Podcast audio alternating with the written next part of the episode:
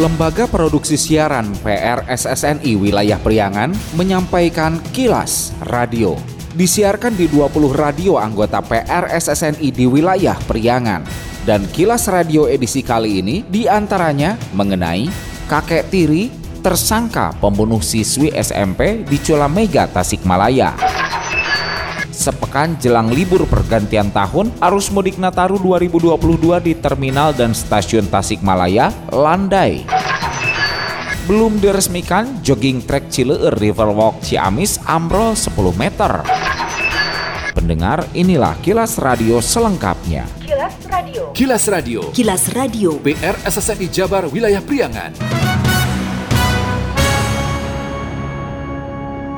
Polisi ungkap misteri pembunuhan siswi SMP di Kabupaten Tasikmalaya, tepatnya di Kampung Beor, Desa Cipicung, Kecamatan Culamega pada Rabu 30 November 2022 silam. Dari hasil penyelidikan, seorang tersangka berinisial M usia 71 tahun yang tak lain merupakan kakek tiri korban ditangkap di rumahnya tanpa perlawanan dan sudah diamankan. Kapolres Tasikmalaya AKBP Suhardi Heri Herianto kepada awak media Senin 26 Desember 2022 mengatakan pembunuhan terjadi Rabu 30 November jam 2 siang. Tersangka yang sedang bekerja di sawah pulang ke rumah mengambil asahan golok. Namun saat tiba di rumah tersangka emosi ketika melihat korban yang berada di dalam rumah. Selanjutnya menurut Kapolres, tersangka mencekik korban PA yang masih usia 13 tahun itu dari belakang, kemudian mencabut golok yang dibawanya dan menebaskannya ke dahi korban. Kemudian bagian kepala belakang korban hingga meninggal di lokasi kejadian. Sesuai hasil otopsi, di tubuh korban setidaknya terdapat lima tebasan dan tusukan benda tajam golok.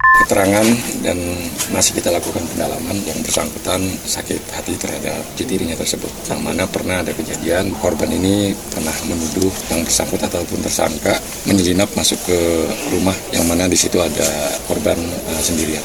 Berarti ada upaya dugaan mau mengganggu ya? Nah ini masih kita dalami dari keterangan tersangka bahwa dia sakit hati karena dituduh uh, oleh korban melakukan masuk tanpa izin ke rumah. Kapolres menambahkan tersangka dijerat pasal 338 KUH pidana tentang pembunuhan dengan ancaman hukuman 15 tahun penjara.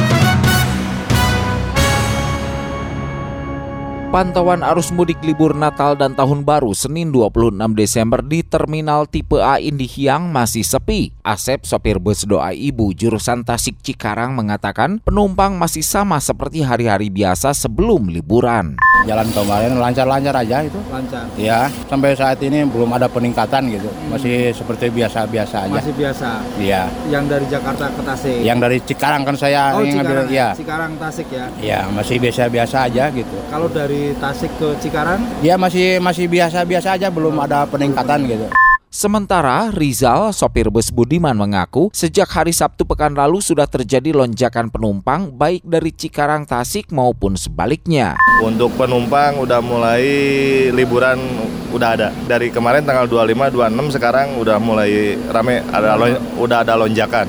Dari Cikarang kebetulan kemarin hari Jumat, hari Sabtu itu banyak. Kemarin hari Minggu kita bawa sedikit. Kalau sebaiknya dari arah Tasik itu lebih banyak ke sana.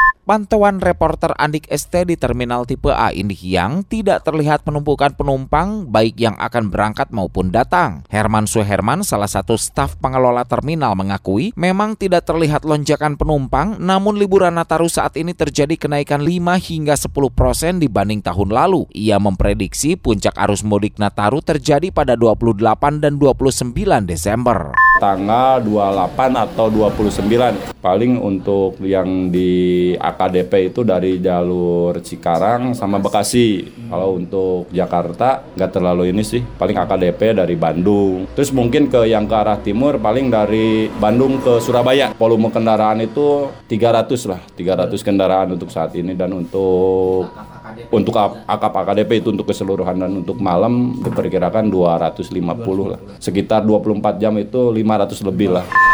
Kilas Radio. Kilas Radio. Kilas Radio. PR SSNI Jabar Wilayah Priangan. Masih informasi mudik Nataru. Arus mudik di stasiun Tasikmalaya telah terjadi peningkatan sejak Jumat dan Sabtu 23-24 Desember dan diperkirakan puncak mudik pada 28-29 Desember. Muhammad Badrus, Kepala Stasiun Tasikmalaya kepada Kilas Radio di ruang kerjanya mengatakan tercatat pemberangkatan lebih dari 1000 penumpang sedang yang datang capai 1200 orang. Menurutnya, Minggu Senin 25-26 Desember penumpang mulai berkurang. Jumat dan Sabtu itu bisa dibilang puncak penumpang naik dan penumpang turun di stasiun Tasik itu mencapai rata-rata untuk penumpang naik lebih dari 1000 dan penumpang turun itu sudah mencapai 1200. Nah, untuk hari Minggunya sudah agak sedikit menurun. Kemungkinan nanti menjelang tahun baru ya diperkirakan sekitar tanggal 28 sampai 30 bakal ada kenaikan lagi, lonjakan lagi. Kalau untuk di stasiun Tasikmalaya nih,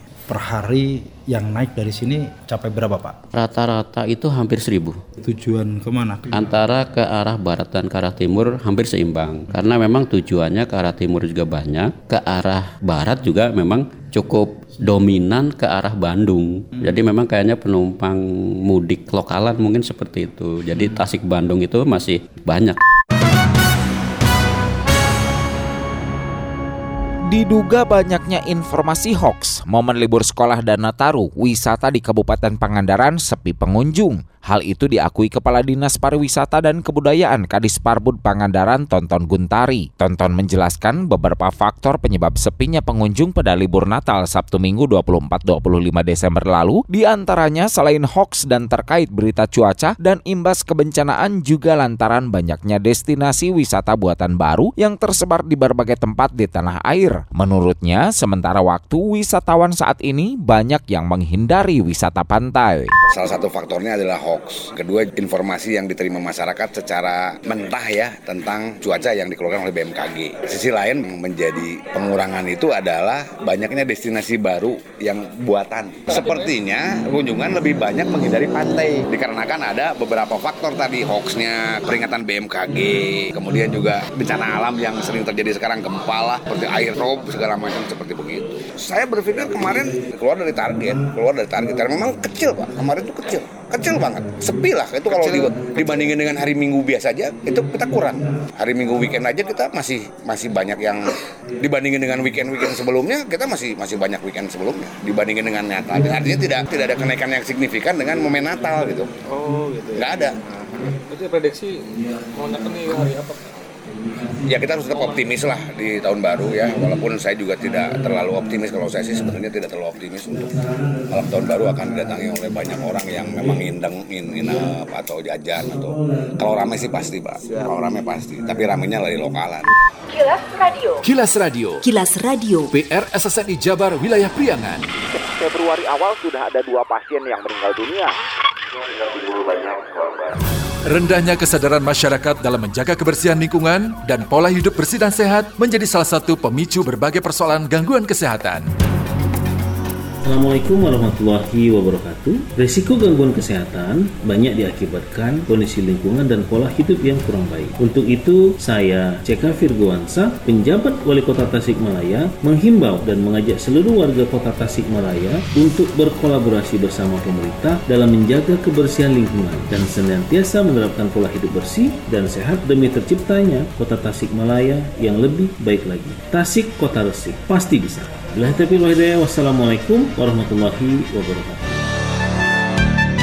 Ayo berkolaborasi, wujudkan Tasik Kota Resik, ramah, endah, sehat, berpondasi iman dan takwa, serta kota Tasikmalaya yang kertara harja. Iklan layanan masyarakat ini dipersembahkan Kilas Radio PR SSNI Priangan dan Dinas Komunikasi dan Informatika Kota Tasikmalaya.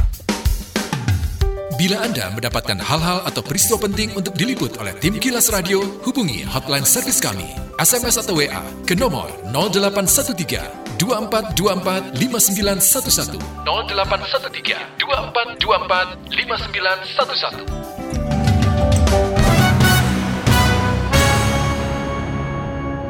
jogging track di kawasan Cileer Riverwalk yang terletak di lingkungan Janggala Kelurahan Ciamis Kecamatan Ciamis ambrol sepanjang 10 meter Senin 26 Desember. Menurut Parningsih 53 tahun warga sekitar, sebelum ambrol terdengar suara retakan sedikitnya tiga kali. Ia mengira suara retakan dari orang yang bermain. kedengaran letak satu kali dikira saya tuh orang yang lagi itu lagi main ke itunya nih letak gitu terus setengah dua sekali lagi. Terus jam 4 lama-lama tuh. Jam 5 longsor. Roboh. Longsor, iya roboh.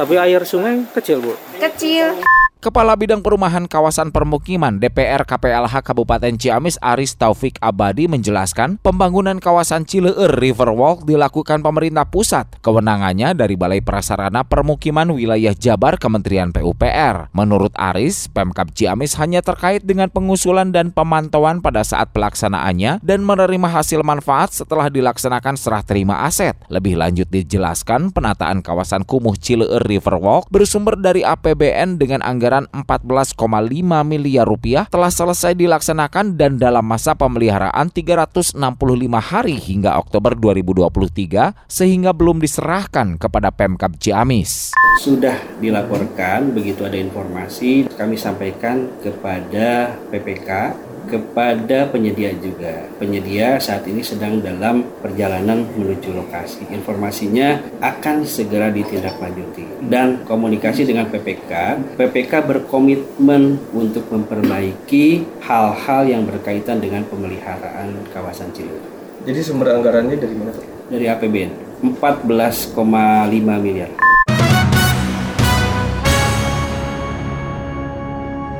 Dinas Pemberdayaan Masyarakat Desa DPMPD Garut menggelar rapat persiapan pelaksanaan tahapan pemilihan kepala desa Pilkades serentak gelombang 2 tahap 2 tahun 2023. Kepala DPMPD Garut Wawan Nurdin mengatakan pihaknya bertanggung jawab terhadap keamanan Pilkades 2023 karena berdekatan dengan tahun politik 2024. Karenanya menurut Wawan pihaknya sengaja menyelenggarakan rapat guna meminta masukan-masukan dari stakeholder agar Pilkades 2023 tidak menemui permasalahan yang berarti saat digelar pilkades serentak di 82 desa pada 28 kecamatan 15 Mei 2023 mendatang. Itu akan dilaksanakan tanggal 15 Mei 2023. 82 desa pada 28 kecamatan akan melaksanakan pilkada serentak gelombang 2 tahap 2. Ini merupakan salah satu upaya upaya-upaya kita agar dapat meminimalisir berkaca pada persoalan-persoalan yang telah terjadi dalam pelaksanaan pilkada serentak dan mudah-mudahan pilkada serentak di 2023 bulan Mei nanti tidak ada persoalan-persoalan yang